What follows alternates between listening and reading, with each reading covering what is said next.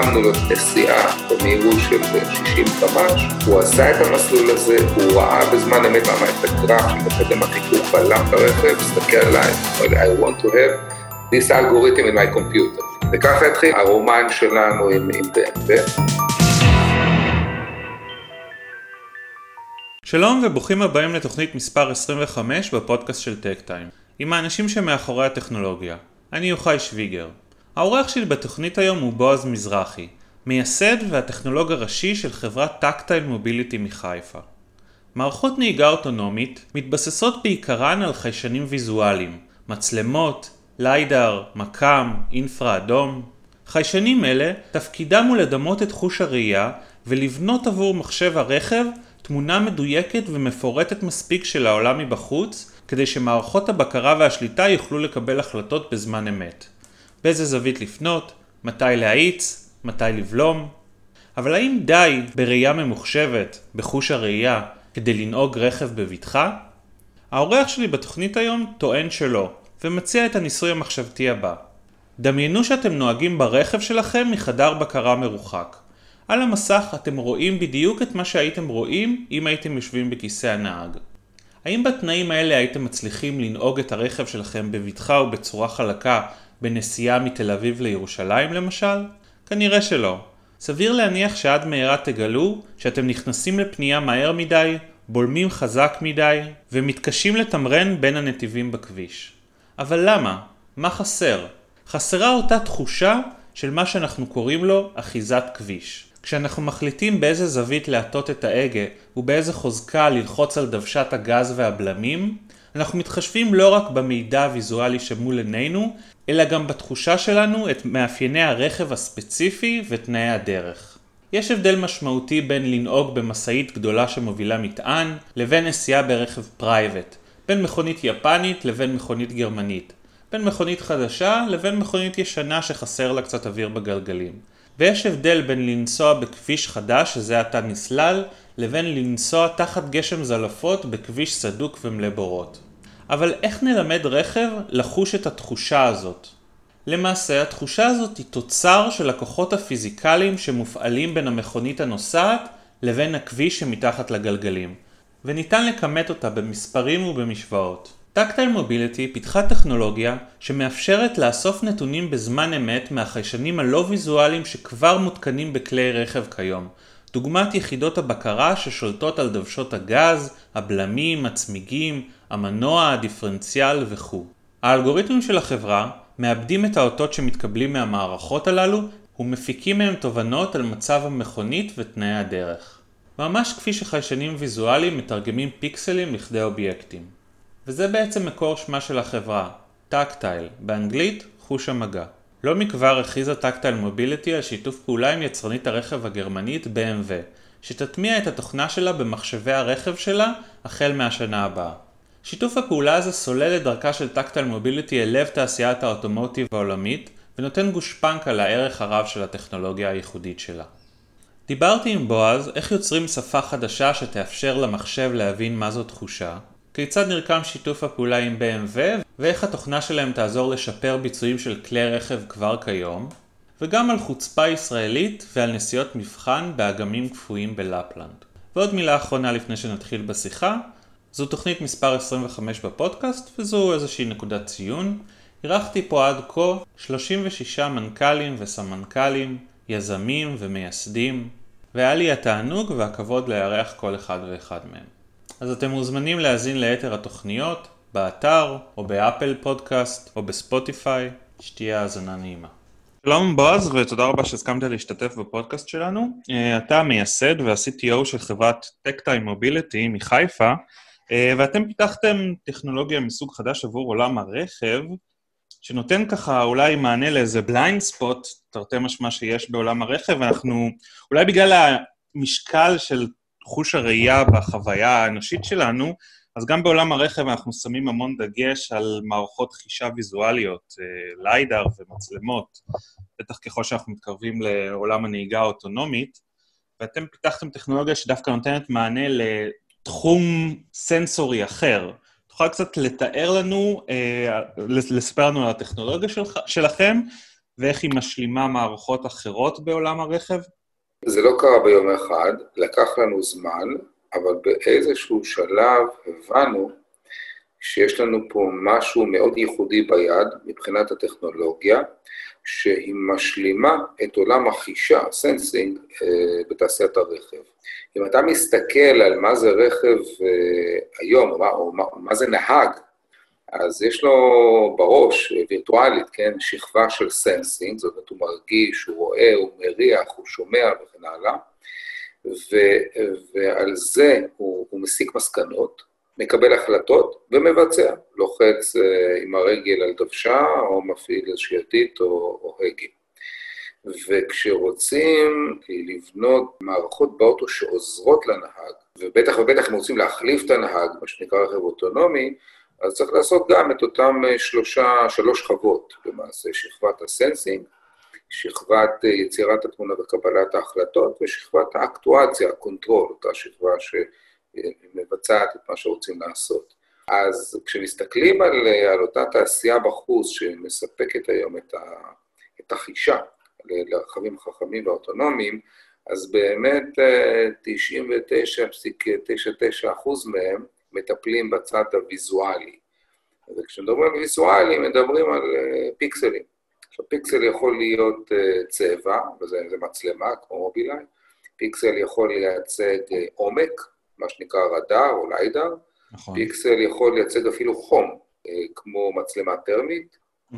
במילים אחרות, זה לקחת את העולם הפיזי שנמצא מולי או מסביבי ולתרגם אותו לפיקסלים. שזה בגדול מה שהעין של הבן אדם אה, עושה עד כדי אורכי גל.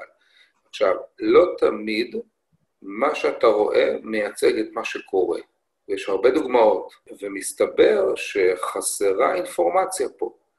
ואני חושב שהדוגמה הכי טובה להמחיש את זה, זה לנסות לדמיין את עצמך נוהג אוטו מרחוק. זאת אומרת, אתה יושב אצלך במשרד או בבית, כמו משחק מחשב, יש לך מסכים מסביבך, יש לך הגה ופדלים, רק שבניגוד למשחק מחשב, אתה מסיע אוטו אמיתי.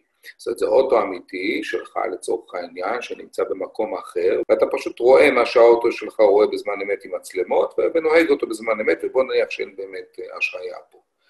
והשאלה היא שאתה מנסה לדמיין את עצמך בסיטואציה כזאת, האם היית נוהג את האוטו שלך מרחוק?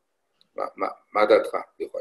לדעתי לא, אנחנו אפילו קצת מכירים את זה ממשחקי מחשב, שזה קצת השליטה השליטה ברכב היא כזאת אמורפית קצת. אתה רואה, אבל עדיין לא מרגיש את ה... בדיוק, בדיוק. עכשיו, גם אם תגיד, כן, אני, אתה יודע, גיבור צעיר אה, ועושה את זה, אז אני אגיד לך, אוקיי, ומה אם זה אוטו לא שלך? זאת אומרת, אתה לא, אתה לא מכיר את האוטו הזה, כי כן. לא נסעת עליו אף פעם, אתה לא יודע איך הוא מגיב בכל מיני סיטואציות. ומה אם אתה צריך לנסוע מאוד מהר ויש הרבה מכוניות סביבך? מה אם זה כביש שאתה לא מכיר? אתה רואה מולך באם שבחיים לא נסעת עליו. ומה קורה בסופו של דבר אם הילדים שלך או, או חברה שלך יושבים מאחור בספסל האחורי. Mm-hmm. ואז אתה אומר, עד כאן. כשאתה אומר את המשפט הזה, עד כאן, אז אתה מנסה להבין מה חסר לך. כאילו, הבאתי לך בדיוק מה שאתה רואה באוטו, אתה מסתכל ימינה, אתה רואה מה שבמסך, כאילו מה שרואה המצלמה מצד ימין. ואתה מתחיל אה, לנסות לפרמל מה חסר לך, מה מעבר לראייה, לפיקסלים, חסר לך כדי לנהוג את האוטו בצורה בטוחה ונכונה. חסר לי להרגיש. וכשבאנו לנסות לפרמל את מה זה להרגיש, אז דבר ראשון שהבנו שחייבים פה שפה.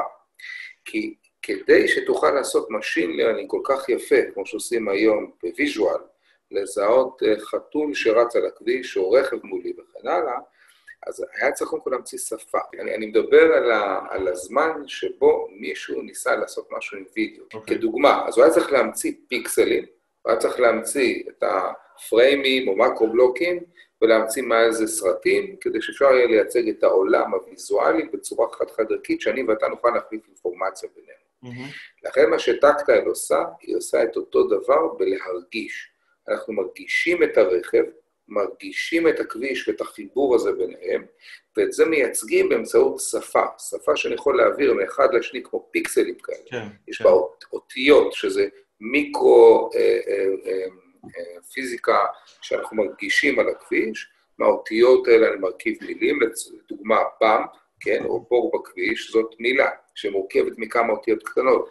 נכנסתי לתוך הבאמפ, יצאתי, טיפסתי החוצה מתוך הבור, החלקתי בתוך אמצע הבור או משהו כזה, יש לי כאילו מיקרו אה, אה, פעולות כאלה שאני עושה אותן, שצירוף שלהם מתאר לי את המילה שנקראת בור, ואז בור אחד שונה מבור שני וכן הלאה, ואני יכול להעביר בינינו.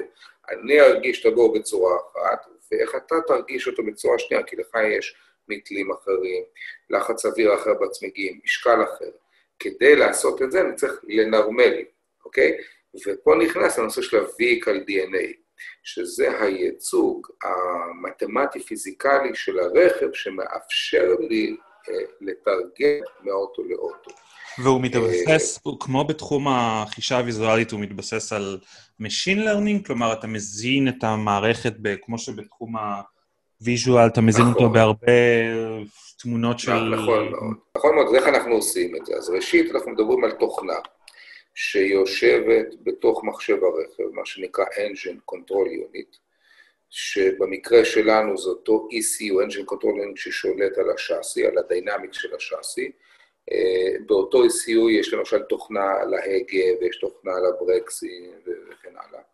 התוכנה שלנו מקבלת את המידע מהחיישנים הקיימים באוטו, שהם לא ויזואליים, מהירות גלגלים, הכוח של המנוע בכל רגע נתון, ה brake torque, כאילו כוח הברקסים בכל רגע נתון וכן הלאה, כמה עשרות סנסורים כאלה שהם קיימים היום ברכבים של היום, מנתחת אותם בזמן אמת, משתמשת בטכנולוגיות של signal uh, processing, uh, של physical modeling ושל machine learning, שתכף נדבר על זה, ובסיומו של דבר, קרוב מאוד לזמן אמת, נותנת לי אסטימציה, נותנת לי איזשהו שערוך, שאומר, כרגע, לדעתנו, אתה נוסע על קרח.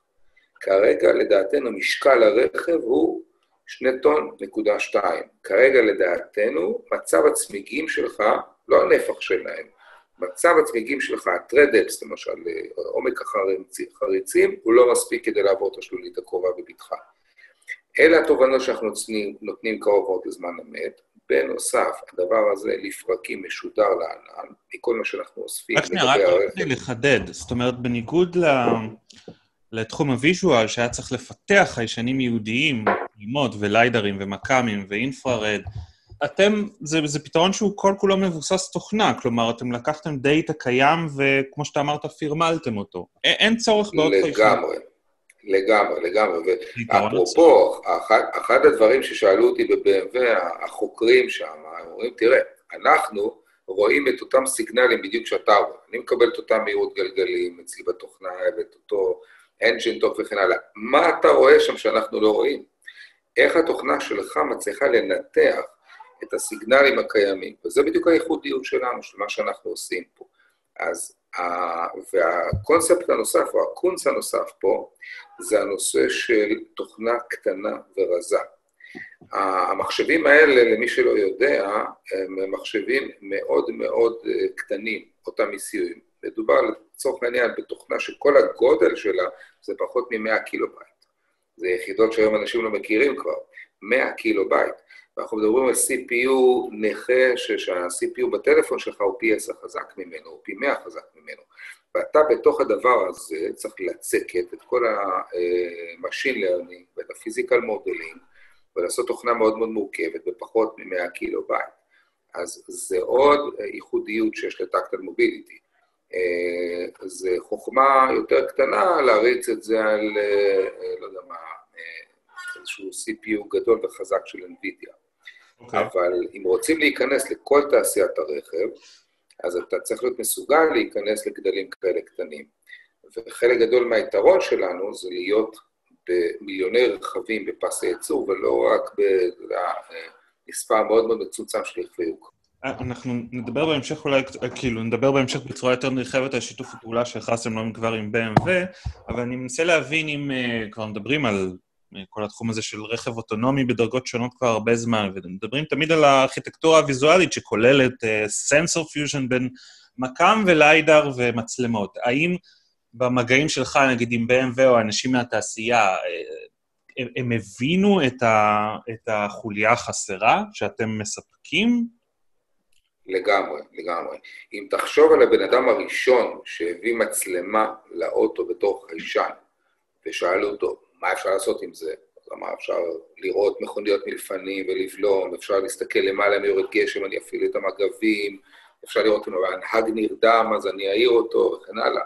אז אנחנו הבאנו סנסור חדש, טקטייל סנסור, שמספק סוגי מידע שלא קיימים היום ברכב, והסברנו לתעשייה מה אפשר לעשות עם זה ומה היכולות של זה. וברגע שהם נתפסו על הרעיון, הם הבינו שזאת פיזיקה מקבילה, שונה מהפיזיקה של הראייה, ולכן אם אני אחבר את שני התוצרים, אני בוודאות אוריד את רמת השגיאות.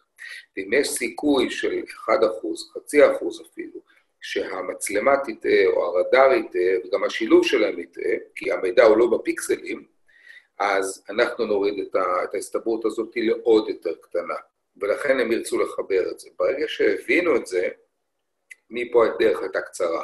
אתם בעצם מחלקים את הטכנולוגיה שלכם לשניים, אם אני זוכר נכון, Surface DNA, שנוגע יותר לתנאים שמחוץ לרכב, של הכביש, ותזכיר לי את השני... אה, Vehicle DNA. Vehicle DNA, שמדבר יותר על המאפיינים של הרכב. תעשה לי קצת את החלוקה הזאת. אה, אמרנו שמאוד מעניין אותי לדעת שיש מלפניי למשל באמפ, בסדר? ומעניין אותי לדעת באיזה מהירות אני, עם האוטו שלי יכול לעבור את הבאמפ. עכשיו, ליידר יראה את הבאמפ, אוקיי? הוא יראה אותו, הכל בסדר, הוא תלת-ממדי. האם הליידר יודע להגיד לאוטו מה המהירות המרבית שאני יכול לעבור על הבאמפ? ברור שאם אני אעצור לאחד קמ"ש לפני, אני אעבור והכל יהיה בסדר, אבל אף אחד לא ייסע באוטו אוטונומי כזה, שלפני כל באמפ הוא יורד לאחד קמ"ש. אתה, בתור מי שמכיר את האוטו של עצמך, יודע שאם האוטו שלך, אתה בשני במפים האלה ברחוב שלך, למרות שבאותו גובה, את הראשון אתה יכול לעבור ב-30, אבל את השני, אם אתה תעבור ב-30, אתה תהרוס את המטלין. אז תעבור אותו ב-10. ועכשיו, אם תבוא יום אחר עם משקל אחר של האוטו שלך, אתה תאית עוד יותר, בסדר? אתה תהיה יותר כבד. או עם הצמיגים אחרים וכן הלאה. במילים אחרות, אותו surface DNA, אותו באמפ, ההתמודדות איתו תהיה שונה בהתאם למאפייני הרכב שלי באותו זמן שאני עובר עליו. ואם אנחנו רוצים לפרמל את זה, אז אנחנו בונים מודל מתמטי-פיזיקלי שמייצג את האוטו שלי בכל רגע נתון, משתנה מיום ליום לצורך העניין, ופתח בין אוטו לאוטו, שבאמצעותו אני יכול להגיד מה אני יכול לעשות עם הסרפס DNA הזה שלפניי. דוגמה נוספת, אני יודע שיורד עכשיו גשם. גשם שוטף על הכביש. עכשיו, אם יש לי צמיגים מצוינים חדשים לחורף, שבהם עומק החריצים הוא מקסימלי וכן הלאה, אני יכול גם לטוס שם על 150 קמ"ש והכל יהיה בסדר. אבל אם הצמיגים שלי משופשפים לגמרי, ונפח הצמיגים לא מתאים, אז אני יכול כבר ב-100 קמ"ש לעוף. עכשיו, כדי לדעת מה המהירות המקסימלית של האוטו שלי כרגע, במצב הנתון שלו כרגע, על פני ה-surface DNA שלפניי, אותה השלולית וכביש וכן הלאה, אני חייב לדעת את המודל של האוטו שלי שרלוונטי. וזהו עוד מרכיב ב-Vehicle DNA. אז אספנו את כל המרכיבים האלה שממדלים את ההתנהגות של האוטו שלי ומפרידים אותו מאוטו לאוטו וממני מהיום למחר, באמצעות מודל שקראנו לו Vehicle DNA. את, את המודל הזה אנחנו לומדים כל הזמן, הוא משתנה לאורך הזמן, כפונקציה של השינויים באוטו שלך, מן הסתם אם תחליף צמיגים, אנחנו נלמד את זה לבד ונלמד את הפרמטרים החדשים של הצמיגים שלך, ועכשיו יש לזה שני שימושים בגדול להביא כאן DNA. אחד, לדעת מה לעשות עם הסרפס DNA שלפניי, כמו שאמרתי. Mm-hmm. ושתיים, זה נותן לי אינדיקציות על הבריאות של הרכב שלי. זאת אומרת, אם הצמיגים שלי משופשפים או לא, זה מידע מאוד חשוב לדעת כדי להחליף צמיג, ואין לך את זה היום ברכב. היום יש לך חיישן ברכב שהוא מודד את הלחץ אוויר בצמיגים, אם אתה צריך למלא או לא, אבל אין לך חיישן שאומר, הצמיגים שלך משופשפים, תחליף אותם, או שהם יבשים, תחליף אותם. אה, אז אלה תוצרים שכשאתה נותן אותם לנהג, פתאום יש מידע חשוב על רכיבים במערכת אה, לצורך החלפה, לצורך אה, מכירת חלפים, שירות וכן הלאה. אם נסתכל על level אחד מעל, אם אני יודע מה ה-Vehicle DNA שלך, ואני יודע להשוות אותו ל-Vehicle DNA של אוטו דומה אחר, אז אם אני בא למוסך עם האוטו, יש לי הרבה יותר מידע לתת למוסכניק שם במה לטפל באוטו שלי, לא רק החיישנים של השקיעות שם, שאתה יודע, רכיב תקול או לא. ודבר נוסף, אם אני רוצה לקנות את האוטו שלך, אני יכול לקבל תעודה שאומרת מה הביצועים של כל מערכת ומערכת שם, מה ה-Vical DNA שלך, ולהחליט אם זה מתאים לי או לא, וגם באיזה מחיר. אלה, אלה מידעים שלא קיימים היום, ולכן כשמכניסים את החיישן הזה, שנקרא טקט פרוססור, לרכב, אנחנו יוצרים עולם חדש ושלם של אפשרויות מדהימות, שמה אפשר לעשות עם זה, וחלק מהדוגמאות נתתי. והסרפס? אז הסרפס DNA בגדול זה המבנה של פני השטח שאני נוסע עליו, אז זה לא למשל הציורים עליו, החיצים, התמרורים וכן הלאה, כי אנחנו לא רואים, אנחנו רק מרגישים, אבל זה כל הדברים שאפשר להרגיש אותם ומשפיעים על הביצועים של הרכב מבחינת בטיחות וביצועים אחרים. למשל, השיפועים של הכביש, שיפועי הצד, הרדיוס של הסיבוב, מקדם החיכוך שלו, וכל מיני אלמנטים נקודתיים שקיימים על הכביש שיכולים להפריע לי בנהיגה, כמו בורות, חריצים, במפים, אה, תפרים של אה, גשר, פסי רכבת שמשולבים כזה עם הכביש, כל דבר שאמור להשפיע על ביצועי האוטו שם. אגב, הלקוח זה לא רק הרכב שנוסע שם, אלא גם לקוחות נוספים, כמו למשל הרשויות המקומיות שמטפלות בכבישים. אם אנחנו יכולים להגיד מה מצב החיכוך של הכביש, מה מצב הסדקים על הכביש, האם יש לי חריצים בעקבות משאיות כבודות שנסעו עליו, זה מידע אה, יקר מפז אה, עבור אותן רשויות שמטפלות ב... כלומר, זה מידע שגם אה, נאסף קולקטיבית בענן ומציג לנו מידע שהוא לא, לא רק נוגע לנהיגה הספציפית של הרכב כרגע, אלא על מצב הכבישים, כן? בוודאי, בוודאי. המרכיב השני של אותו tactile processor זה המרכיב הענני. כלומר, בענן יש לנו תוכנה ענקית גדולה, כמו שאוהבים לקרוא היום ביג דאטה, שיודעת לקבל את התוצרים של אותם tactile uh, processors שיושבים בכל המיליוני רכבים השונים, היא יודעת לאחד ביניהם ולחבר ביניהם, למרות שהרכבים שונים, כי יש לי את ה-Vehicle DNA שמאפשר לי לתרגם בין אוטו לאוטו, וליצור תמונה אחודה, כוללת ועדכנית של פני הכביש בעולם. למשל, מה מצב מקדם החיכוך כרגע בכל מקום ומקום. אם יורד שלג איפשהו, שהכביש קפוא, שיש גשם כבד, מן הסתם זה, זה משפיע שונה. אנחנו מרגישים את זה, המכוניות משדרות את זה, ואנחנו יכולים לדווח למכוניות בחזרה, אנחנו יכולים לדווח לרשויות מקומות, אה, מקומיות על מצב הכבישים, ולעשות עם זה עוד הרבה דברים. בנוסף למיפוי של ה-Vehicle DNA של כל אוטו ואוטו. שבאמצעותו אפשר להוציא סטטיסטיקות על מכוניות, אה, אפשר אה, לתת שירותים בחברות ביטוח אפילו, אם נהג עושה מנוי למשל, אפשר לעשות הרבה הרבה דברים, כי אנחנו מרגישים את האוטו ואת הקשר שלו לכביש. לא, לא מכבר הכרזתם על שיתוף פעולה עם BMW, מיותר להרחיב עליה את הדיבור, אבל יש הרבה חברות טכנולוגיה בתחום האוטומוטיב, אבל... אה, הסכם עם OEM, עם יצרן רכב, זה ממש ה-Holy Grail, אז אה, תוכל קצת לספר אולי גם קצת איך אה, נרקם שיתוף הפעולה, מה הוא כולל, וגם משהו שמעניין, אנחנו דיברנו בהתחלה על תחום הרכב האוטונומי, אבל אנחנו מדברים על שילוב של התוכנה שלכם לשיפור ביצועים של מערכות שונות עוד הרבה הרבה לפני הרכב האוטונומי. אז אני, אני אשמח אם תוכל להמחיש לנו איך הדאטה הזה שהצגת יכול לשפר ביצועים של מערכות שכבר קיימות ברכב. לפני שאני אגע בשיתוף פעולה עצמו, אה, ותכף אה, נבין את זה כקו מנחה לאורך הסיפור, הדבר שמייחד אותנו, וזה תמיד אני אומר גם ליצרני הרכב שאני בא לעבוד איתם בהתחלה, זה שאני לא מבין במכוניות. זאת אומרת, היום אני מבין יותר מן הסתם, אבל כשהגעתי לנושא פשוט לא הבנתי כלום במכונית, לעצמי שמאזדה 3, אני חוץ מלהיכנס ולתדלק, אני לא עושה איתה יותר, יותר מדי.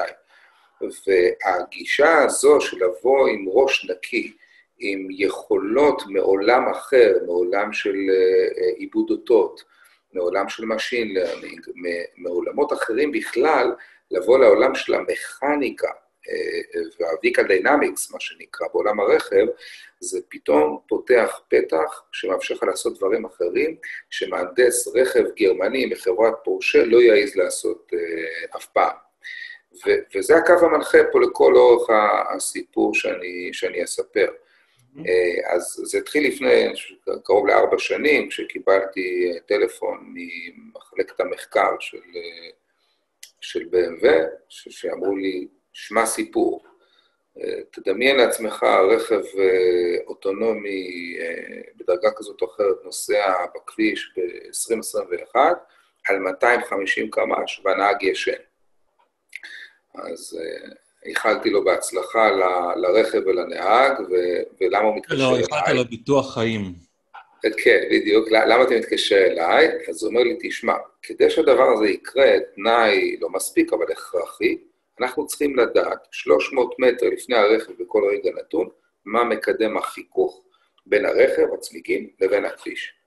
אתה יכול לעזור לנו בזה? אמרתי לו, הגעת למקום הנכון. ומפה התחיל שיתוף הפעולה.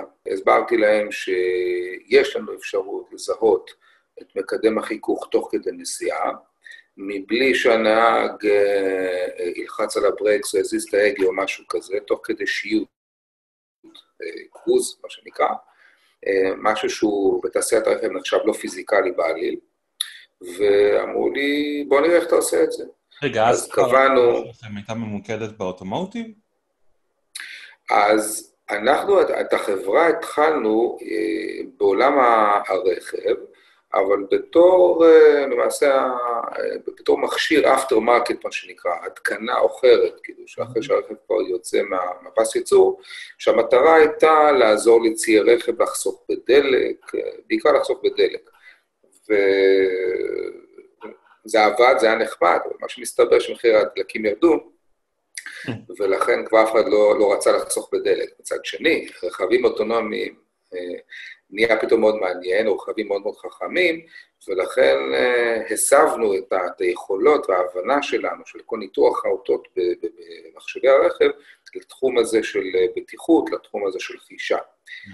ו, ואז כש, כשקבעתי עם BMW, אז אמרו פשוט תבוא, תדגים לנו על רכב שלנו אה, מסוג BMW 335, משהו כזה, ובואו נראה מה אתם מצליחים לזהות. אה, הגעתי באיזשהו אה, יום שני, תחילת שבוע למינכן, אה, מחכה לי שם החוקר הראשי בתחום של הוויקה דיינמיקס ב-BMW, עם האוטו ליד, אומר לי, זה הרכב, בוא תתקין, בוא נראה את זה. אז את לא בסדר, תן לי ככה, פתח את הבגז שם עם המחשב ניסוי, הגעתי עם תרמיל כזה, כמו תרמיל צבאי, מלא מלא ציוד בפנים, פתחתי, הוצאתי את כל הכלי העבודה, איזה מלחמים, מברגים, התחלתי לחבר את כל החוטים בין מחשב הניסוי שם לבין המערכת שלנו, ואחרי חצי שעה אמרתי לו, זה מחובר, עובד, תדליק. הוא אמר אתה בטוח? כן, תדליק את המנוע, תדליק. באמת זה היה מחובר, התחילה תקשורת בינינו.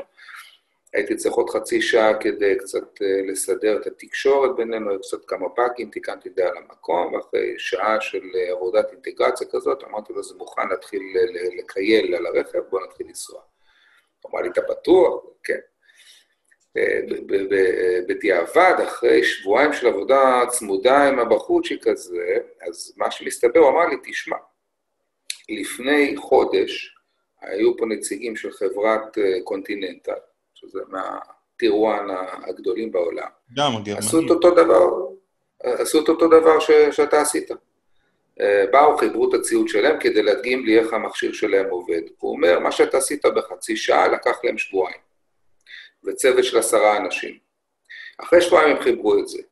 אז הוא אומר, ברגע שראיתי אותך, בא עם תרמיל, בן אדם אחד פותח עם כמה מברגים וזה, מחבר עם הלפטופ, אה, מסדר את העסק, הוא אומר, you got my attention. ומאותו רגע אמרתי, אני אעשה בשבילך מה שאתה רוצה. באמת הוא עשה, במשך שבוע שלם, ולמחרת צירפתי עוד בחוץ מהארץ שהגיע, יש שם מחקר שלנו.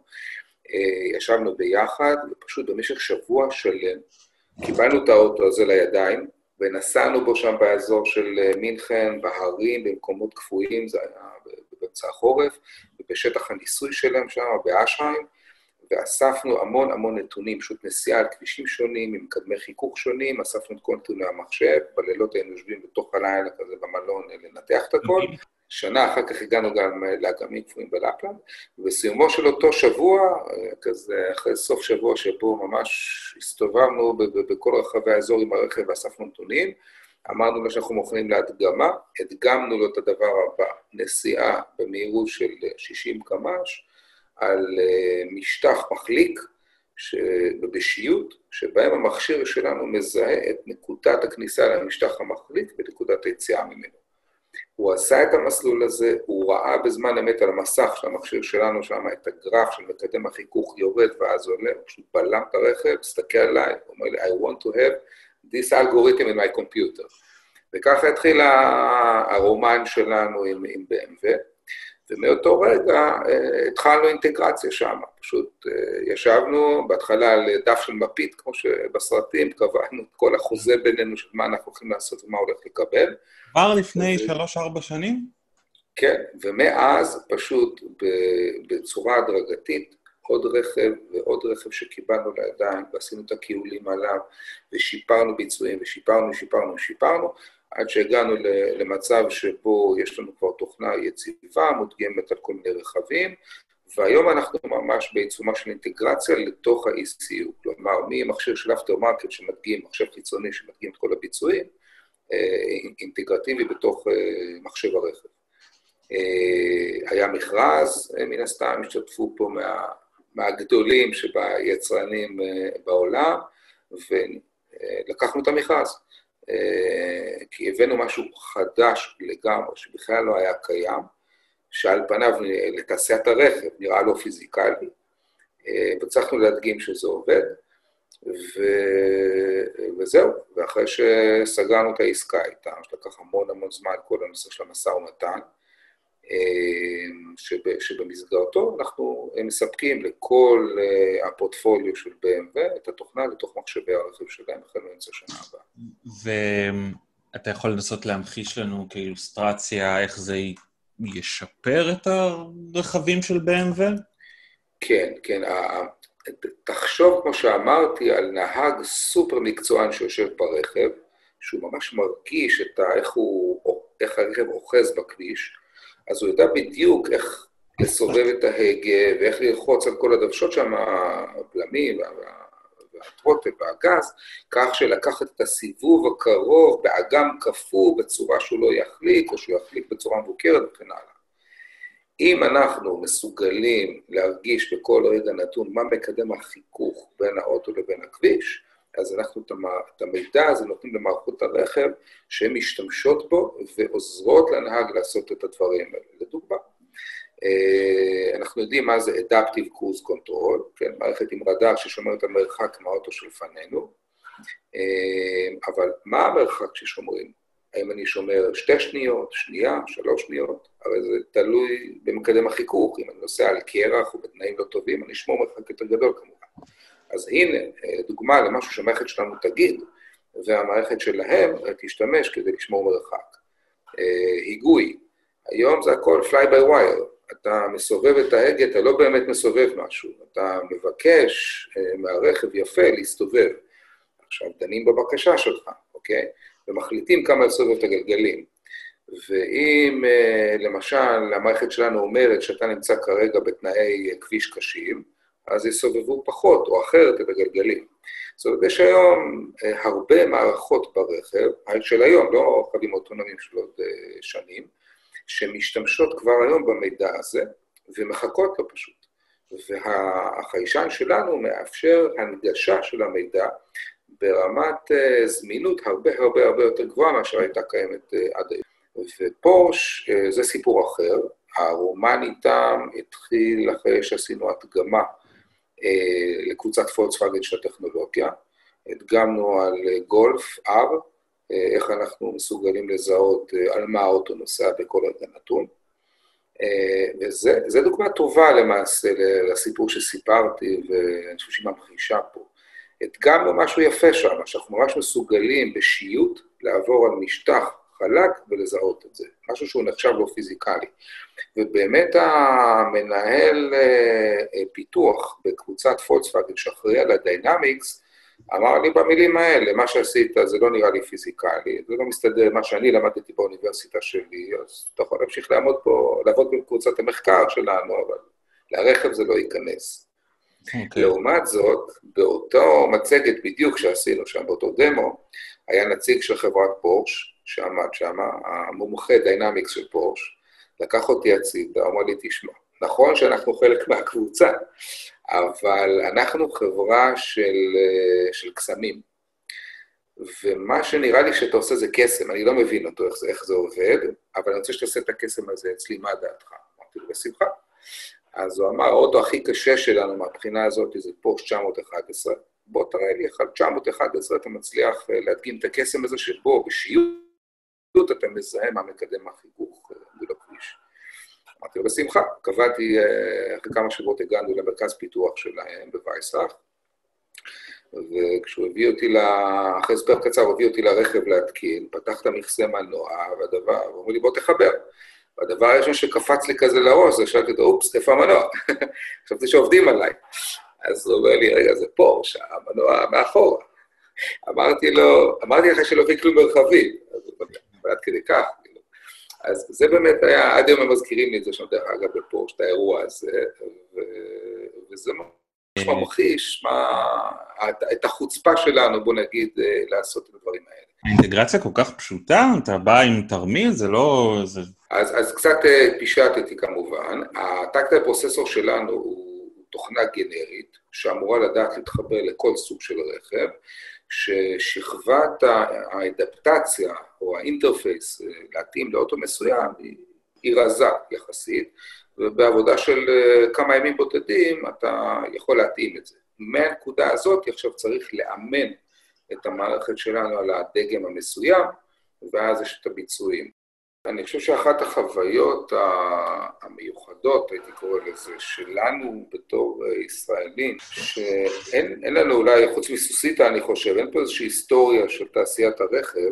נכון. אה, זה מאוד מאוד חדש לנו הדבר הזה, בטח בשבילי, שלא, תוכן שלא מבין יותר ברכבים, אה, להיכנס לתעשייה הזו ולראות איך היא עובדת, זה פשוט מדהים. ככה אני יכול לשתף כל מיני חוויות ואנקדוטות. אה, אחת מהנקודות החשובות אה, בכל שנת פיתוח, נקרא לזה ככה, בחברות האלה, זה הניסויים שעושים בחורף על אגמים קפואים. אגם קפוא נחשב מבחינת מקדם ההחלקה שלו והטמפרטורות וכל הדברים האלה, איזשהו תנאי קיצון, שבהם כל מערכת רוצים אה, לבדוק אותה שם, החל מאחיזת כביש וצמיגים והיגוי ומצלמות וכן הלאה. אה, במסגרת הזאת הגענו עם כמה חברות רכב כבר אה, לאגמים קפואים, הם עושים את זה בצפון שוודיה, שם בלפלנד, לכל יצרן רכב יש את האגם הקפוא משלו, כמובן הכל מוסתר, כי זה הכל יש לנו איזה דגמים ניסויים שהולכים לצאת רק בעוד כמה שנים. ואתה יושב בכזה אה, רכב ניסויי עם כל מהנדסי הרכב המובילים ביותר מאותו יצרן, אם זה BMW או פורש או אחרים, ועושה ניסוי החלקה לאגמים, ועם התוכנה שלנו מראה להם שזה עובד גם במקומות האלה ונותן להם את היתרונות, ושם מגיעים הבכירים ביותר מאותה תעשייה, מאותו, מאותו יצרן, וסמנכ"ל הפיתוח למשל, ובא לראות הדגמה של כל ה... כל הטכנולוגיות, ומתוכם בוחרים מה, מה הולך להיכנס לייצור בשנה, שנתיים הקרובות. אה, זכיתי לכזאת חוויה עם כמה חברות, אה, זה מדהים, זה מרתק. אה, לעבוד שם ממש עם החוקרים, לישון איתם שם בדירות, לדבר איתם, לשתות איתם את הבירה, לראות איך, איך מפתחים רכב, איך מייצרים רכב. זה מדהים, זה, זה דברים שאנחנו לא מכירים כאן. במיוחד תעשיית הרכב הגרמני, שמאוד מאוד אה, פדנטית ומתקדמת ומסורתית. פדנטית, אבל, אה, אבל עם פתיחות לטכנולוגיות חדשות, לא? או, בדיוק, בדיוק. ומאוד הפתיע אותי, אני חייב לומר, אם אני משווה את תעשיית הרכב האמריקאית, נגיד לגרמנית, שוב, מהניסיון המאוד מאוד צר שלי, שלנו פה בטקט המוביליטי, היה מפתיע לראות שתעשיית הרכב הגרמנית הייתה יותר פתוחה, אה, גם מבחינת, אה, אה, בוא נקרא לזה, צורות פיתוח מאוד אג'יליות, מאוד זריזות, הייתי אומר אפילו על סף של סטארט-אפ, לעומת דברים ותהליכים נורא נורא כבדים בתעשיית הרכב האמריקאית. וזה, אני חושב, מאפשר ל, ל, לרכב הגרמני להישאר תמיד בחזית. אה, של הביצועים. עוד דבר ששמנו לב שם זה הטיפול הממש אישי של כל חוקר וחוקר. זאת אומרת, יש שם מומחה לנושא של היגוי, אז הוא יכתוב את התוכנה, הוא יצרוב אותה ברכב, הוא יבוא בעצמו לאגם הקפוא, הוא יעשה את הניסוי, הוא יתקן את התוכנה עד שהוא יסיים את הכל, תוכנת ההיגוי לכל הדור הבא של BMW לצורך העניין, ואז כשהוא מרוצה הוא מוסר את זה לנהג המרוצים, נהג הניסוי שם, והוא זה שייתן את ההכרעה הסופית. אז אתה ממש רואה את הטאץ' האישי של כל אה, מפתח שם. אה, הקטע של להרגיש את האוטו, לנו בתור מפתחים הוא נורא חשוב.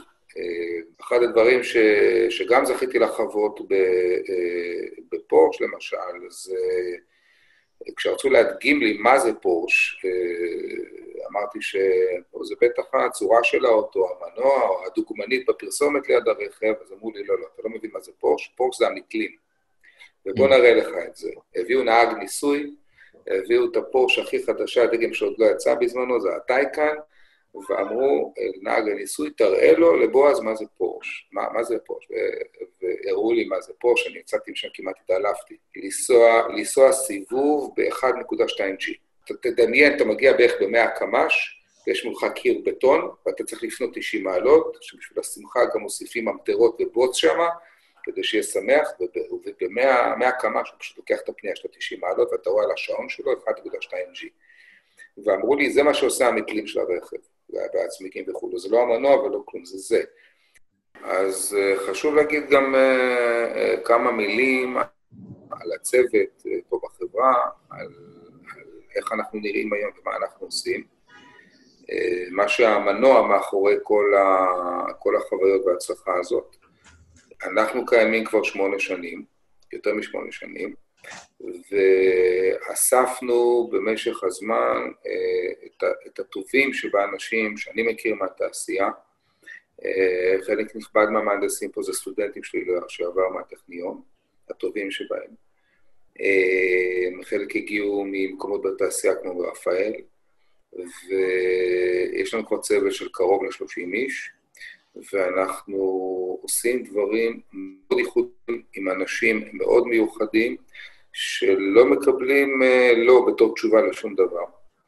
אה, אנחנו אוספים נתונים מרחבים, יש לנו היום יותר מ-20 מיליון קילומטרים של נסיעות שהקלטנו.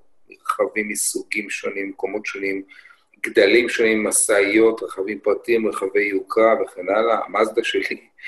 אה, ועל הנתונים האלה יש לנו אלגוריתמיקה שעושה מחקר, שעושה לימוד, ו- ויש פה בסיס מאוד מאוד נרחב של, של דאטה, של נתונים שחסרים בתעשייה הזאת, אה, כדי אה, לייצר את כל הדברים היפים שאנחנו עושים.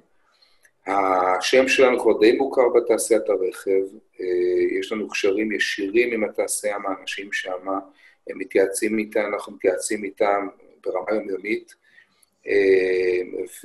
והשיתוף פעולה הזה הוא מדהים, אה, ואני מקווה גם שזה, שזה יכניס גורמים אחרים בתעשייה הזאת. יש פה מאות חברות בתחום האוטוטק, חברות נהדרות, נפלאות, רעיונות נהדרים.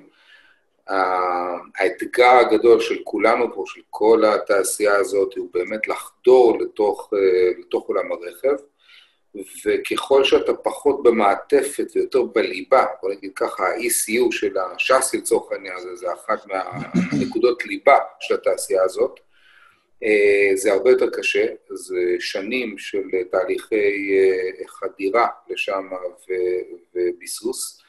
האינטגרציה לוקחת המון המון זמן.